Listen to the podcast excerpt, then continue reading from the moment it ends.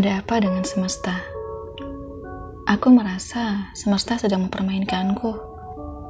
Bumi ini begitu luas, tapi kenapa saat aku sedang menjelajah lebih jauh, aku kembali ke tempat semula pada akhirnya. Tempat ternyaman yang pernah aku rasakan. Meskipun banyak tempat indah yang seharusnya bisa membuatku nyaman, tapi nyatanya aku kembali lagi di satu tempat yang jelas-jelas sudah menyisihkanku. Percuma rasanya aku melangkah jika cerita akhirnya akan tetap sama. Seberapa banyak pun aku bertemu orang baru, rasanya masih sulit untuk menerimanya. Hati ini sudah kubuka sangat lebar bagi siapa pun yang ingin masuk. Namun tiba-tiba tertutup dengan cepat ketika sudah ada orang yang ingin memaksa masuk.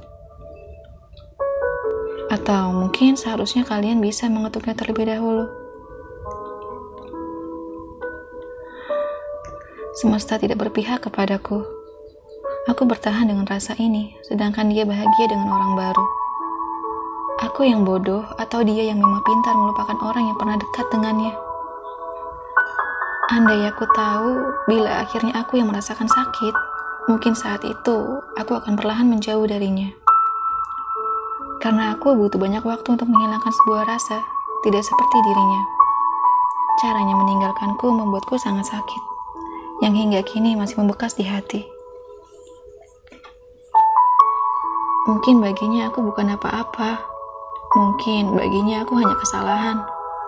Dan mungkin baginya aku hanya tempat singgah sementara. Jadi dengan begitu, aku bisa dengan mudah ditinggalkan. Beda denganku. Bagiku, dia adalah bahagiaku. Bagiku, dia adalah jiwa baru dalam hidupku.